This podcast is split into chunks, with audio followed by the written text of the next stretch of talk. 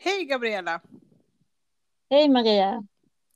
Så då är det dags att eh, spela in ett nytt avsnitt av chileadoption.se podd. Ja. Och vad står på schemat idag? Ja, vi pratade ju lite om det här med att eh, resa tillbaks till Chile. Mm. Och eh, både du och jag har ju gjort det. Du har varit där sju gånger och jag har varit tillbaks en gång och varit på väg den andra gången. Men då kom en pandemi i vägen. Mhm. Eh, och så funderar vi lite på vad det var som gjorde att vi tog oss dit första gången. Så vad, vad var det som gjorde att du åkte tillbaka till Chile? Alltså, jag har väl alltid vetat att jag ville åka till Chile och frågan var bara när. Eh, att det blev 98 berodde på att jag, jag pluggade spanska på Stockholms universitet och hade fått en jätte, vad ska man säga, eh, det var jättekul att göra det, men jag kom till en punkt där jag liksom inte vågade prata i klassrummet. Så min stränga eh, lärare från Argentina sa till mig att Maria, du måste nu åka iväg till ett spansktalande land och våga prata liksom. För att man kan ju inte få betyg i muntlig kommunikation utan att prata. Mm. Så där var det, på grund av det. Eh, och på grund av att eh, när jag berättade det för en kompis så eh, sa att jag måste åka till Spanien och plugga spanska, för det var min värld. Okej, jag måste åka till Spanien och plugga spanska. Eh, så sa en kompis, ah, men varför åker du inte till Chile och plugga spanska? Ja, bra. Okej. Så det var inte du själv då som eh, kände att du ville åka till Chile? Jo, det blev en bra kombination. För jag hade Mm. börjat söka rötter då och sådär. Eh, Så det var, det var tajmingen som gjorde att det var både då med att jag var tvungen att komma vidare i spanskan men att jag också ville till Chile. Ehm, Och jag hade ju en tanke att jag skulle åka till Chile för att liksom se vad är Chile och eh, liksom resa runt och, och se de här platserna där man har varit. Kanske inte Mm. för att, absolut, alltså, inte för att eh, leta upp liksom familjen, inte den gången, utan jag vill liksom mer veta vad det var och ta reda på vad jag kunde också dessutom. Och hur var det för dig när du reste? Mm, Ja, men som jag har sagt till dig att det, det var nog att jag ville veta om eh, eftersom jag inte har känt mig hemma i Sverige så vill jag nog veta om jag, jag kände mig mer hemma i Chile. Eh, Så det, det var nog det var inte för att söka mina rötter eller så utan det, det var mer för att känna om, om det här var mitt land. Mm-hmm. Men när jag klev av planet och vi, eh, ja, det var ju bara en flygplats som alla andra då, men när, när man hade kommit in lite längre i landet så kändes det ungefär som vilket land som helst, fast det, jag, jag, alltså värmen och eh, naturen och sånt var ju väldigt vackert. Mm. Hur kändes det för dig första gången du Ja, det, känd, ja nej, det, det, det kändes jäkligt stort att få alltså, gå av planet och bara veta att man befann sig på chilensk mark. Eh, alltså jag tyckte att, ja men du vet, det är klart, flygplats är ju flygplats, men just med, man har precis kommit in över Anderna och liksom, ja, det, var, det var mäktigt. Men, men, ehm, men sen blev det ju så att vi skulle Eh, För det blev så att jag reste med den här kompisen som hade föreslagit att jag kunde plugga spanska i Chile. Så jag reste med henne som också är adopterad från Chile. Och n- när vi väl kom dit så skulle vi ut till, eh, vi skulle vara i Santiago och vi skulle till en sån här värd eh, kvinna där vi skulle Ja. bo. Mm. Så det kändes som att bli väldigt, alltså det var inte någon riktigt vanlig, alltså först kom man till sitt land, alltså som jag känner, som som alltid har drömt upp om och sådär. Och sen så komma till, samtidigt till en vardag, för vi skulle hem dit och liksom och skulle till skolan några dagar senare. Så att det var, det var inte så, och vi visste att vi skulle vara där i nästan tre månader, så det var ju, ja, det var speciellt, Mm. man landade med två fötter liksom på jorden och, och Mm. men jäkligt mäktig känsla att vara där. Det måste jag Mm. säga. Ja, det, det är ju intressant. Mm. Jag trodde ju att det skulle bli en väldigt, eh, alltså att det skulle vara väldigt mäktigt att, och att jag skulle känna någonting. Liksom. Mm. Eh, men det gjorde jag inte. Eh, och sen hade jag en adress som, eh, stå, ha, som står i mina papper att min pappa bodde på. Så eh, vi åkte inte direkt dit utan vi åkte runt lite. Vi var i Santiago och ehm, ja, vad heter det? Eh, den här kuststaden. Valparaiso eller Vinja Ja, ja, precis. Ja, mm, bägge delarna var vi. Ja. Eh, så att liksom vi åkte runt lite. Sen var vi i Temuco då, där jag kommer ifrån. Mm. Eh, och eh, vi åkte, man kan åka nattbuss och det är väldigt bekvämt. Det, det, busskommunikationen är mycket bra i Chile. Mm.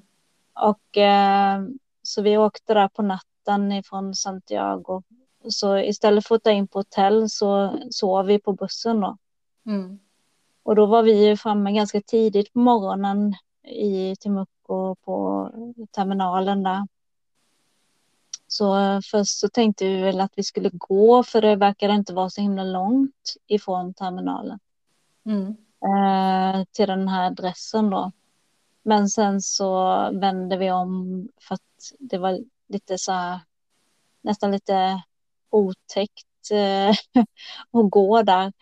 Så att eh, vi tog taxi eh, och han släppte av oss eh, utanför då. Och det var, vad ska man säga, det var som ett eh, nästan svenskt villakvarter med eh, en lekpark. Alltså sämre hus var det ju, men en dålig, en dålig standard i Sverige kan man säga. Mm. Eh, och eh, radhus var det som han skulle ha bott i då. Mm. Eh, så jag, så jag gick ju upp och eh, fotade mig själv eh, vid eh, numret på vid dörren och sådär. Men jag knackade aldrig på för jag trodde inte han bodde där och det, det gjorde han ju inte heller visade det sig sen då. Men, Mm. eh, och jag var inte intresserad, jag ville inte. Jag, ja, så var det nog. Jag, jag ville inte, jag ville inte ha kontakt med mina föräldrar. Mm. Eh, jag tyckte att jag, att det kändes bra. Att inte vet, eller liksom att inte ha kontakt. Ehm, så, så jag, och jag kände ingenting då heller. Tror du, jag tänker på, för att jag tror att, alltså jag, jag tänker på det här, jag har egentligen två frågor och, och första är liksom vem, vem du reste med och hur, hur lång tid du skulle vara där. Om det kan ha påverkat också. Ja, det, det kanske det... Alltså hade jag varit, haft längre tid så kanske man hade börjat att fundera på om man skulle ändå försöka leta upp eller sådär. Men det fanns inte i mina tankar ändå Mm. när jag var där. Eh, Jag reste ju med min nuvarande man då. Mm. Ehm, Och vi hade väl bara varit tillsammans i något år tror jag. Så det, det var en prövningsresa också. ja. Eh, nej, men det, det var, nej, men där i alla fall så kände jag ingenting. Och sen så gick vi vidare. Det här var ju jättetidigt på morgonen. Klockan kanske var sex eller någonting sånt där. Mm. Så gick vi vidare in mot centrum kan man säga. Så vi var i utkanten av, av eh, Timucco åt något håll. Ehm, och när vi började gå där så alltså då började man ju känna att det var ett fattigt land.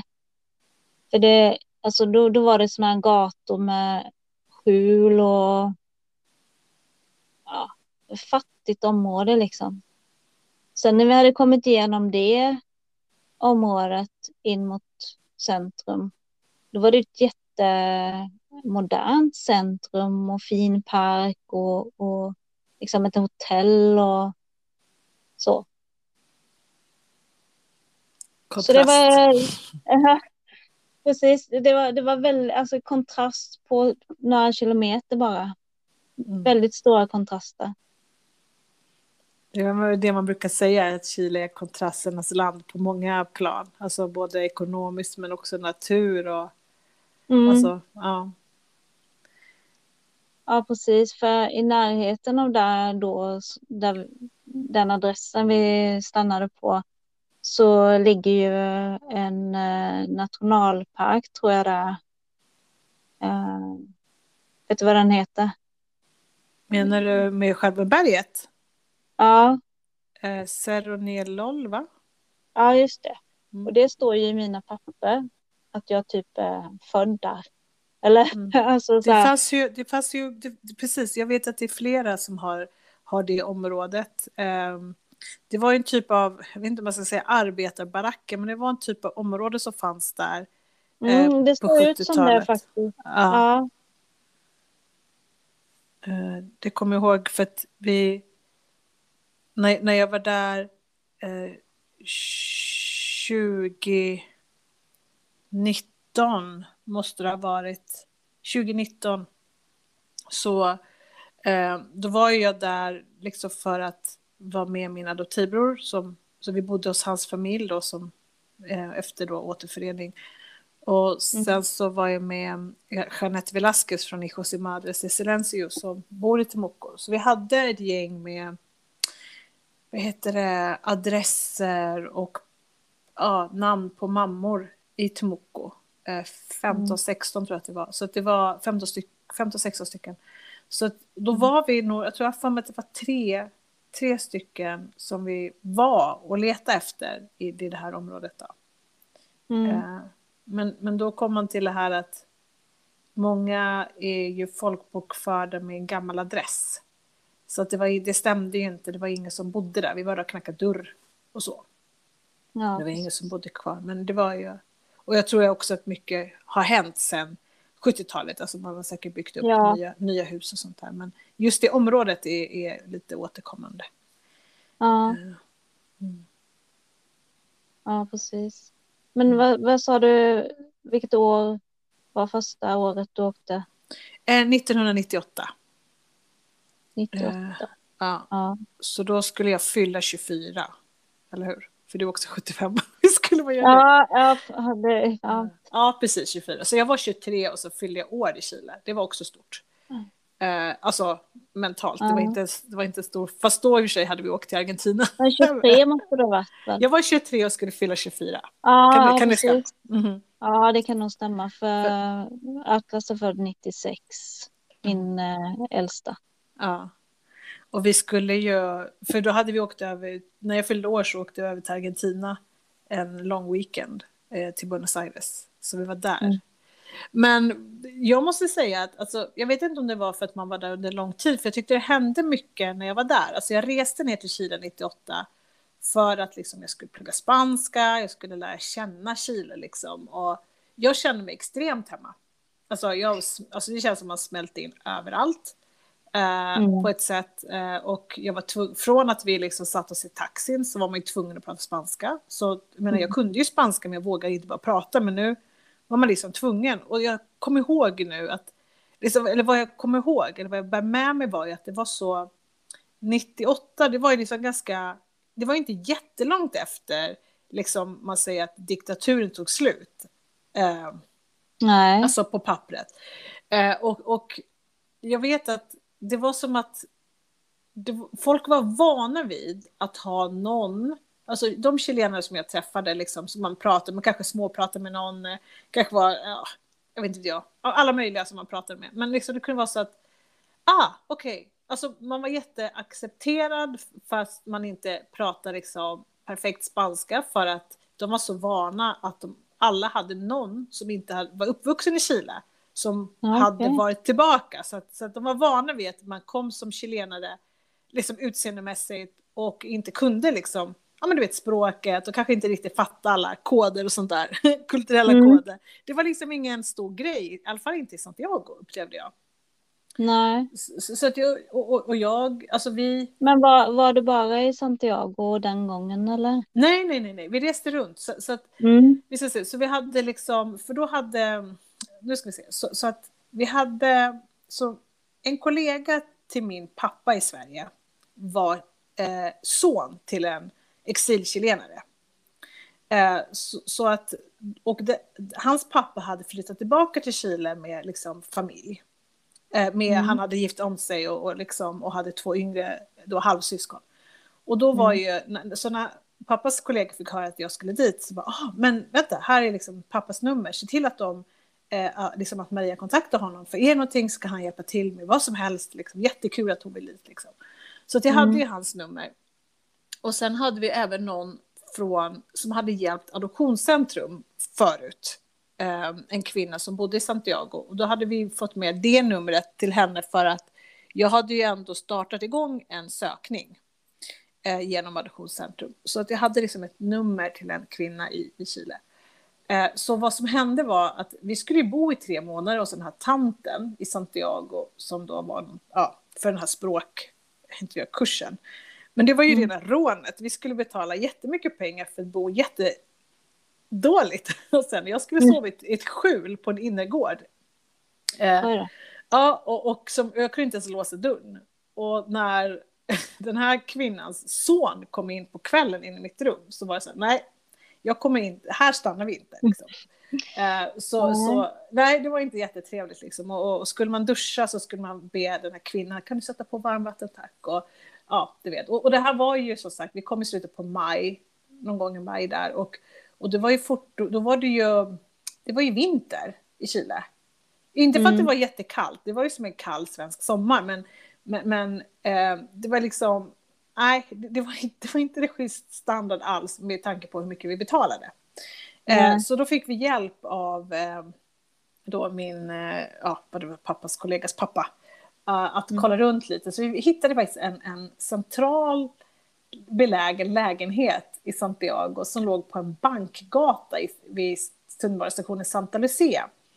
Eh, och vi flyttade in där istället. Så det hade vi som en, det måste varit som ett rum och kök. Så man hade, vi hade liksom, ja, ja ett rum och kök, kokvrå. Eh, men det var jätte, så här, det fanns element. Alla bara, oh, har ni element? det är jätteovanligt. Mm. För man har ju ofta som en liten estufa, som en liten, eh, vad ska man säga, som en liten, eller, alltså som en värmegrej man kan flytta runt i huset. Eh, som en typ, ja men det är väl en typ av element, men ja. ja, ja. Men, men väldigt annorlunda. Här var ju centralvärme liksom i, i det här huset. Eh, och det var väldigt konstigt. Vi var jättenöjda med Mo där och därifrån kunde, kunde vet du, vi gå till skolan. Så jag promenerade eh, till skolan. Och, eller om man tog en mikro, man tog bussen. Alltså man fick lite så här vardagskänsla. Du vet, vi handlade mm. mat och lagade mat i lägenheten och, och så där. vi reste, den här kollegans då, min pappas kollegas, oh, det blir så många steg, men den här ja. man, mannen och hans familj, man. de var så här, kom hit över helgen, det var Kilpoe. Så kom hit över helgen som ligger halvvägs mot kusten då, från Santiago. Mm. Ja, så vi åkte dit. Jag har aldrig träffat dem förut och bara, ja, vi fick bo där jättegästvänliga och aha, nu ska vi ta med er till kusten. Jag vet inte om det var Vinja vi åkte till, men, men vi åkte till kusten och bara, här finns de godaste liksom, empanadas i Chile i en, någon, någon typ av, eh, vad ska man säga då, kafébageri som vi köpte med. Mm. Så käkade vi empanadas på stranden och de hade hundar som sprang runt, kommer ihåg. Alltså det var väldigt, väldigt trevligt. Och sen hade vi också lärarna på skolan eh, där vi läste, det har jag inte ens kommit in på, men de var exilchilenare på, på, på det här universitetet vi läste. Så vi läste spanska för, för utlänningar. Um, Mm. Och lärarna då hade varit i exil i Danmark, i Frankrike, i Tyskland och England. Så vi hade fyra lärare. Och eh, så de fattade ju liksom oss på ett sätt. Alltså de visste vad vi hade vuxit upp någonstans. Alltså vad vi hade för, ja, vad vi var vana vid. Alltså även om vi då såg ut som chilenare. Men de, de, det var som att de liksom tog in oss. Mm. Eh, eh, för där kommer vi liksom som adopterade liksom. Eh, och de, tog, ju- de bjöd ju med oss på massa saker också. Så att, eh, vi åkte till någon annan kuststad. Vi var på den här eh, La Isla Negra, Pablo Nerudas hus. Och vi var i någon Mhm. annan fiskestad som jag inte minns namnet på nu. Eh, och olika liksom, utflykter i Santiago. Och vi var ju... vi, vi, träff, vi lärde känna andra europeer eh, som också läste spanska och en koreansk kille. Eh, så vi var ju lite ett gäng på skolan så att vi gick liksom ut och vi hade så här favorithak, ett salsaställe i, i Bellavista som var då var liksom party, café, lite bohemiskt område där i Santiago.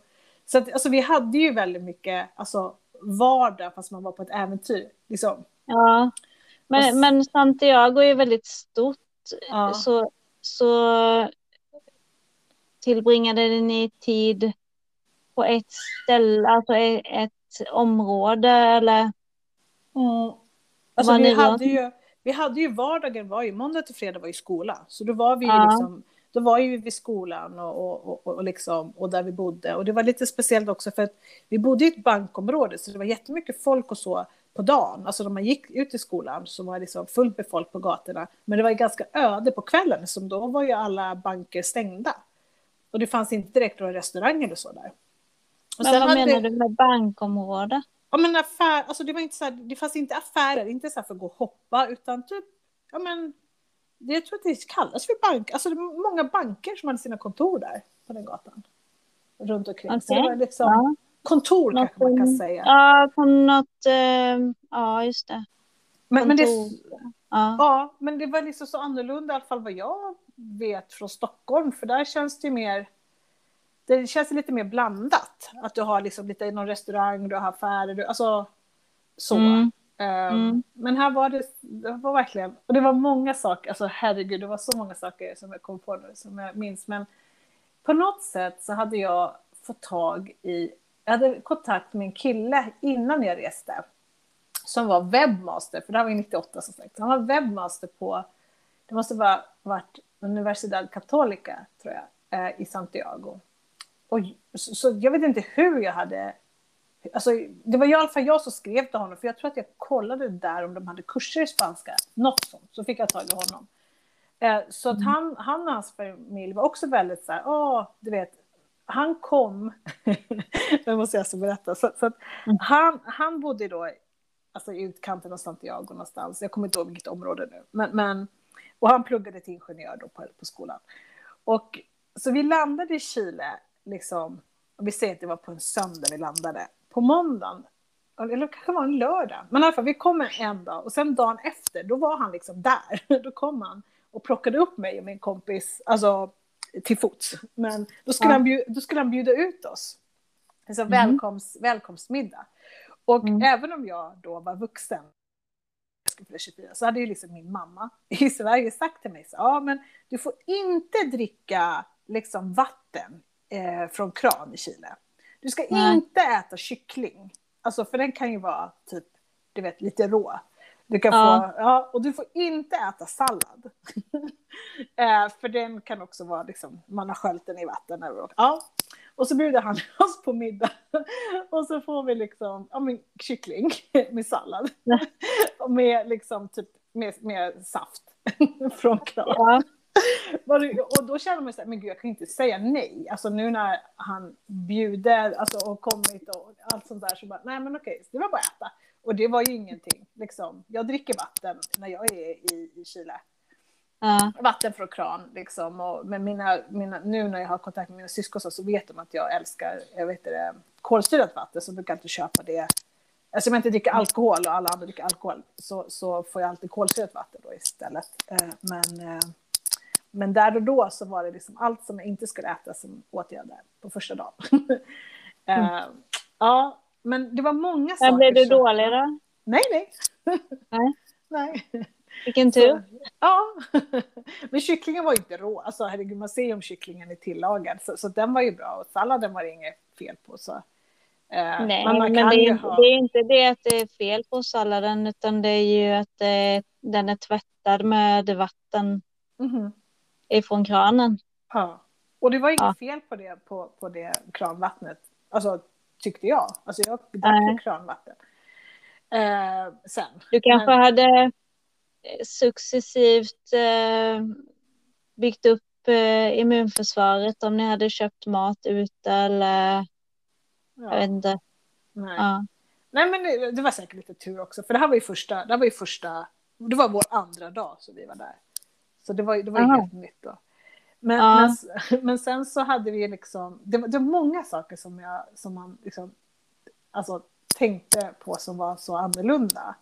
Eh, För Mm. att, som jag sa så bodde vi i det här området som var väldigt ödsligt då på kvällen. Det var en portvakt, så man, man gick in liksom vid markplan.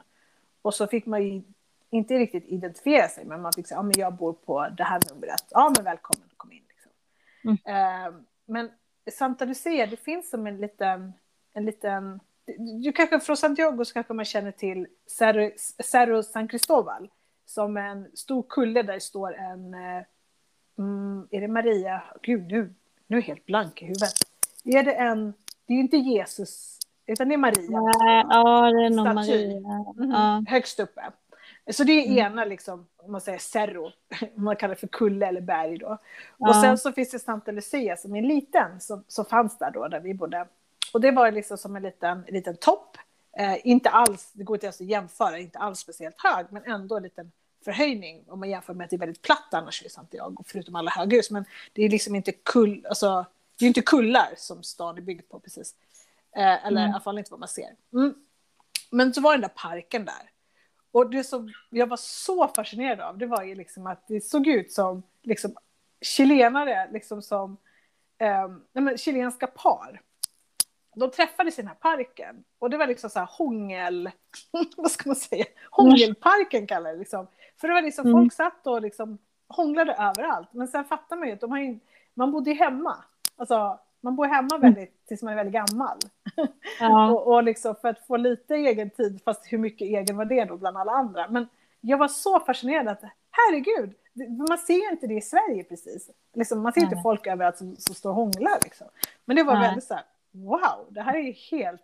Också det, ehm, ja det var ju flera andra saker som man såg, men det är också för att kanske för att, på grund av det här, att de hade ju sån här, ehm, och vad kallar de för, de kallar det för någonting? Och jag tror att jag har nämnt det förut. Eh, det fanns ju sådana här kaféer. Åh, oh, nu tappar jag namnet vad de kallas. Men det var ju sådana kaféer dit bara män gick. Eh, Och så, så kunde du liksom se... Alltså ofta så var ju de... ehm, vad säger man? Du kunde inte se in på de här ställena. Ehm, Mhm. du, du, du kunde kanske se någons huvud. Eller någons fötter. Men du kunde liksom inte se. För det visade sig att det här var också liksom i, runt omkring de här affärs, affärsgatan. Så var det som... ehm, så, så, så då män kunde gå dit och typ dricka kaffe eller drinkar kanske det var. Eh, ja, men mitt under jobbdagen liksom, eller efter jobbet. Eh, och mer lättklädda tjejer då som serverade. Och det var också Okej. såhär, what? Vad är det här? Liksom, det kändes jätteannorlunda. Alltså jämfört med Sverige där jag växte upp i alla fall. Det kanske Ja. finns, finns idag, inte vet jag. Men det kallades för någonting. Och nu har jag tappat namnet vad det var för någonting. Men, ah, så det var i alla fall sådana här saker som man såg. Um, jag, och som jag sa, vi var jättemycket på bio. Eh, jag älskade att gå på bio där i Chile. vi var på bio kanske en gång i veckan. Det kostade för oss som kom liksom från Sverige så kostade det typ ingenting att gå på bio. Eh, Nej. så, så att, eh, en gång i veckan var det då. Eh, och då var ju allting, och det var så bra för spanskan för alla filmer var dubbade.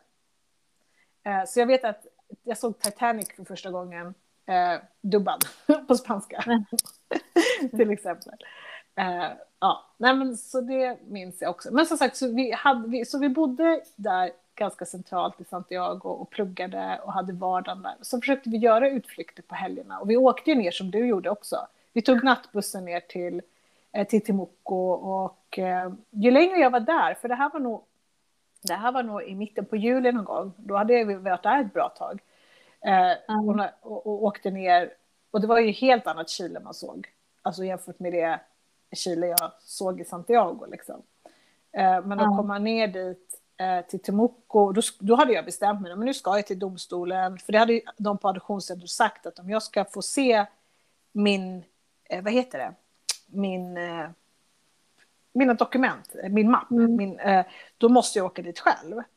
Och det Mm. gjorde jag ju såklart. Och åkte dit och bad att få se vilka, vilket jag inte fick och så vidare. Så jag blev ju, när jag var i södra Chile, när jag var i Temuco och så, då blev jag bara mer nyfiken på varför är det så svårt att få information om min bakgrund. Jag hade fått intrycket från AC att jag, bara jag reste dit, alltså inom Ja. citationstecken, bara jag reste till Chile, vilket var både var dyrt och långt och allting.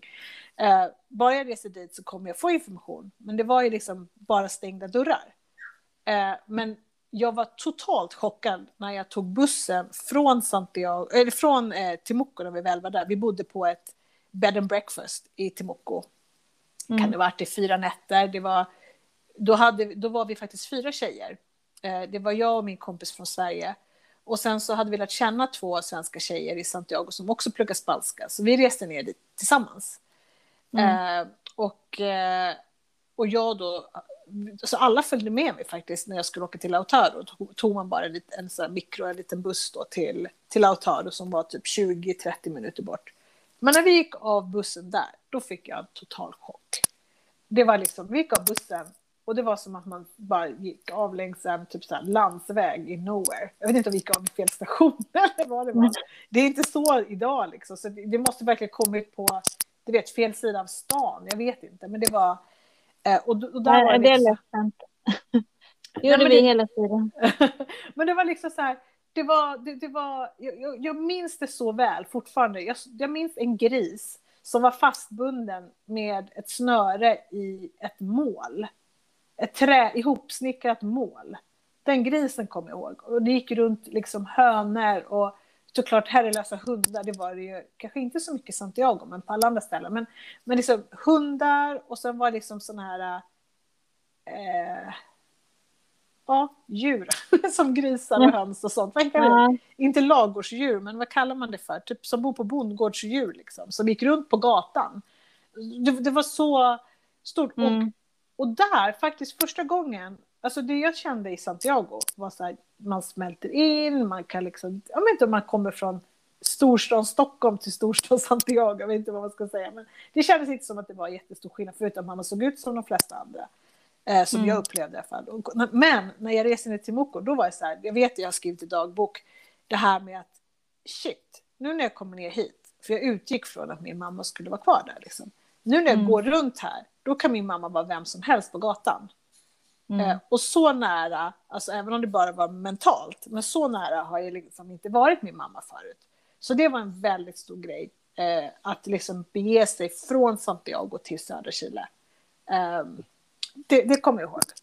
Eh, men, Ja, där, där tror jag det är skillnad när man kan språket och inte kan språket. För när jag var där så kändes det mer som att jag kunde, vad ska man säga, alltså, jag, jag kunde ju inte prata, eh, men folk kanske ville börja prata med mig och då gömde jag mig bakom min man. mm, Eh, och liksom att jag inte kunde språket då. Och då tittade de ju bara konstigt på mig, men mm, ja. Eh, typ, eh, vill du inte prata med oss eller någonting? Eh, men men det, det är skillnad liksom att komma till Chile och kunna språket. Jag tror att det är ganska stor skillnad. mm, För att du, du är mer anonym liksom om du inte kan språket. mm. vad, vad ska man säga, man har... Ja, det är eh, svårt, det är svårt att, att kanske komma så nära. Liksom ens, alltså, Ja. är, man kan ju inte småprata med folk på, inte vet jag, på busstationen eller nej, eh, på restaurangen eller vad det kan vara som... som, som nej, precis. Så man får ju inte samma, kanske heller samma, vad ska man säga, närhet eller känsla för platsen. Alltså, Nej. eh, något annat Nej. jag tänkte på. Så jag tänkte, Och vi, vi använder ju ganska mycket engelska. Så, och, och det pratar man ju inte så mycket i Chile.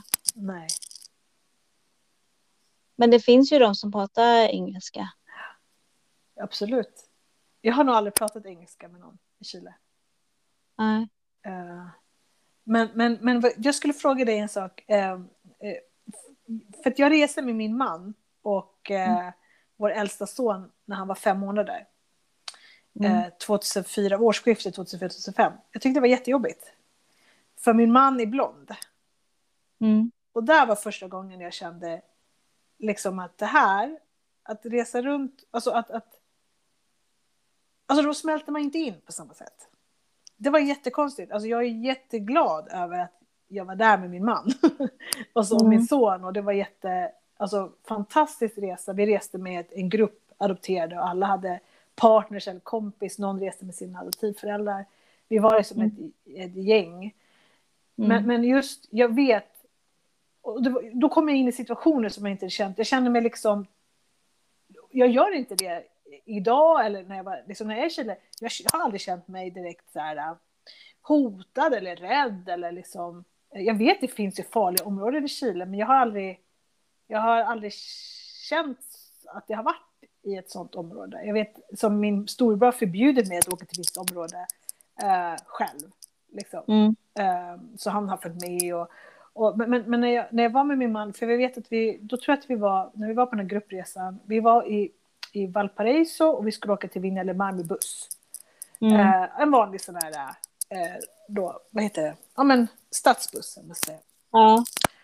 Och eh, då är det liksom några gatukonstnärer, ska vi säga det? Gatukonstnärer, som Mm. står och, liksom, och jonglerar och Ja, liksom, tigger, tigger pengar på ett fint sätt. Mm. Liksom. Och jag vet att de ropar efter oss, liksom så här, "Ja, men varför, alltså på spanska, så här, varför, har, varför, Mm. är ni, varför är ni med gringos? Mm. Alltså varför är ni tillsammans med gringos? Mm.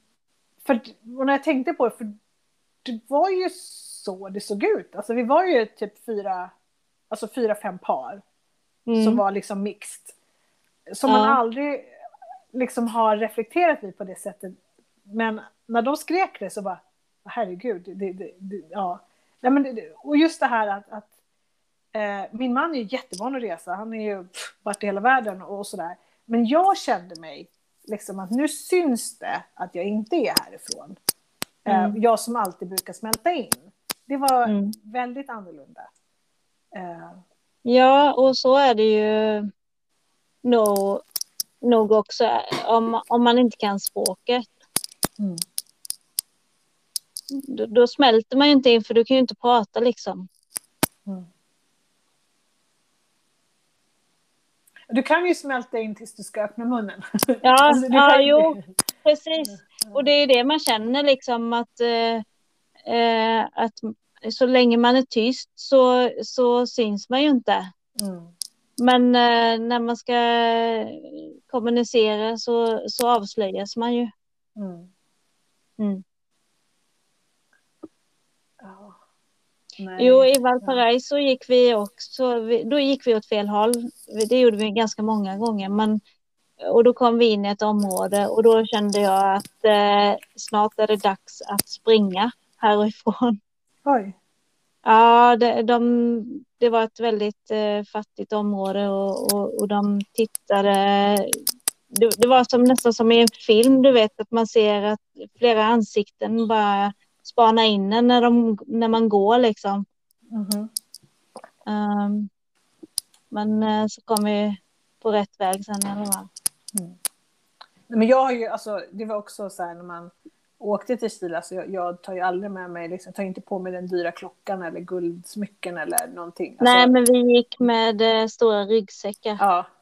Ja. Nej men precis, Nej, men så, så det, så man, det syns ju på en om man är liksom på genomresa och, och Ja. även då när jag är där med mina syskon. Alltså jag, det, det, jag tyckte det var väldigt svårt till exempel 2018 när jag skulle vara där då som, du vet då, träffa massa politiker och så för Chile-adoption. Mm.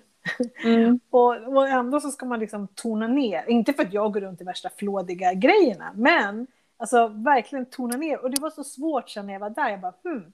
Så nu ska jag gå med mina gympaskor och jeans och så ska jag träffa den här domaren från högsta domstolen. Alltså det kändes som att, för där är det ju så byråkratiskt och det är så Mm. liksom viktigt, alltså formellt. Är det formellt så är det formellt. Och jag kände bara, jag har bara fel kläder på mig hela tiden. Men samtidigt så skulle det kännas så konstigt och liksom för det är lättast att, att, smälta in när man då har lite mer nedtonat och man, ja, men man bara smälter in. Mm. Mm. Eh, så, och jag har alltid, så här, jag har alltid så här, mina Chile-smycken när jag reser till Chile. Alltså, ehm, då har jag oftast liksom, eh, silver till exempel på istället för om man har guld, inte vet jag, guldhalsband och sånt. Eh, men, men det är också de första gångerna när jag reste, jag tänkte att vi, vi, vi nämnde det lite, ehm, alltså, för, för du ska göra en resa nu, snart. Mm. Och, och den, hur, hur, hur tänker du kring den jämfört med 2015? Liksom? Vad är skillnad och vad är likhet? Ja, gud. Det, det är ju väldigt stor skillnad. Ehm, nu reser jag ju för att träffa min pappa då för ja, inte första gången för jag har ju träffat han förut men eh, innan jag blev bortadopterad men ja, i vuxen ålder. Mm. Eh, min pappa, min bror och min syster och ja, alla mina släktingar på min mammas sida. Fast mamma har de ju inte hittat då. Mm. Ehm, så att det blir ju ganska många och ehm, jag känner väl att alltså det är en jobbig resa. Eh, jag, ser, jag vill ju göra den men ehm, jag är inte så bra på eh, eh, vad ska man säga, so vara social heller. Så det kommer liksom ta väldigt mycket kraft. Mm. Men jag vill ju göra den och det kommer att bli det kommer ju förändra ens liv säkert. Du har ju träffat dina släktingar. Mm. Jag har ju pratat mycket med dem över nätet och så, så att man har ju man, det känns ju som man känner dem på, på ett sätt, men eh, det blir säkert annorlunda. Och sen, alltså det, det alltså jag kommer inte bo hemma hos dem, jag kommer ju att, att bo eh, på, eh, ja, inte hotell, men eh, vad heter det? Airbnb, Aha. eh, som i Timucco då. Mm. Eh, så att man kan eh, gå hem och vila lite. Mm. Så, och sen har vi väl tänkt att resa runt lite också sådär. Hur länge ska ni vara där? Eh, tre veckor blir det nog ungefär. Mm. Men sen eh, har jag planer på, för att jag, jag vill ju lära mig språket. Mm. Och, så jag har ju planer på att eh, eh, åka eh, kanske ett halvår eller någonting. Och eh, ja, försöka lära mig språket då. Mm. Det, jag, jag förstår ju vad folk säger och så eh, oftast. eh, Om de inte pratar superfort då. Mm. Men eh, jag har ju svårt att sätta ihop meningar och sådär. Men jag tänker att liksom, är man i den miljön hela tiden så hör man ju dem där och man vet ju vad de säger. Då kan jag ju liksom säga det. Alltså jag tror det blir mycket lättare. Mm. Absolut, jag tror också att du blir mer avslappnad. Alltså när, Mm. man, när, man, när man vet att man ska där en längre period, alltså man inte känner sig stressad över... Det kan ju vara någon situation som, alltså där man inte lyckas göra sig förstådd, eller man, du vet, det är svårt. Och så, Mm. och så vet man, oh, man åker hem bara om några dagar, men sen om man vet, att men nu är det här längre, nu, det där, det där blir Mm. bra nästa gång. Liksom, att man, Mm. Ja, ehm, precis. Och sen just också att vi är, så gamla som vi är. Alltså, vi är ju vuxna och vi har egna barn och, och så vidare. Man är inte så Mm. van att bli... Alltså, för även om jag pratar spanska så är det ju inte mitt första språk. Så att det är ju inte som att, det är inte som att jag sitter och har en konversation liksom, på svenska. Eh, Nej. så, så att du har den här känslan hela tiden att, att, att man liksom inte riktigt är där. Alltså, Nej. liksom att, att man liksom... Okej, så nu är vi tillbaka. Ehm, Någonting hände. Men eh, det var det här med, med, med språk och kanske att man blir lite mer lugn och, alltså, och inte så stressad eller har så höga krav om man är där lite längre period. Så det verkar jättebra att åka dit i sex månader som du nämnde. Mm. Jo, har man möjlighet så... För att eh, i och med att vi, alltså... Eh, är man adopterad, nu vet jag inte hur det är, det kanske är så att man kan få läsa sitt, eh, vad heter det, modersmål. Mm. Ehm, de som adopteras idag, det, jag vet inte hur det funkar, men vi fick inte göra det i alla fall. Nej. Vi har, vi har ju liksom inte det med oss. Och eh, man får ingen hjälp att eh, kunna ta upp det igen när man är vuxen och sådana saker. Så ja, har man möjlighet så känner jag att, eh, att jag vill ta den möjligheten. Mm. Precis, jag menar då kommer man till en annan, om man ska säga, även om den här situationen är så, så speciell, men just kanske fördelen att vi är lite äldre, att liksom, du vet, barnen är vuxna kanske och, och sådär, man kan, Mm. kan göra Mm. det här. Um, Mm. så det, och jag känner väl att, jag, det, alltså jag hade bestämt mig 2016, eh, jag hade en lång paus, eh, en lång Chilepaus. Mm. Ehm, på grund av min, min syster dog eh, i Chile. Mm. Så ville jag inte åka dit på ett tag. Men när jag fick kontakt med mina andra syskon och så 2016, då bestämde jag mig för att jag skulle åka till Chile varje år. Jag skulle åka Mm. till Chile varje år och jag skulle vara där två veckor varje år. Och det, gjorde, det hann jag göra lite innan, innan pandemin. Men Mm. jag var där 2016 med en son eh, och sen 2017 var jag där med en annan son.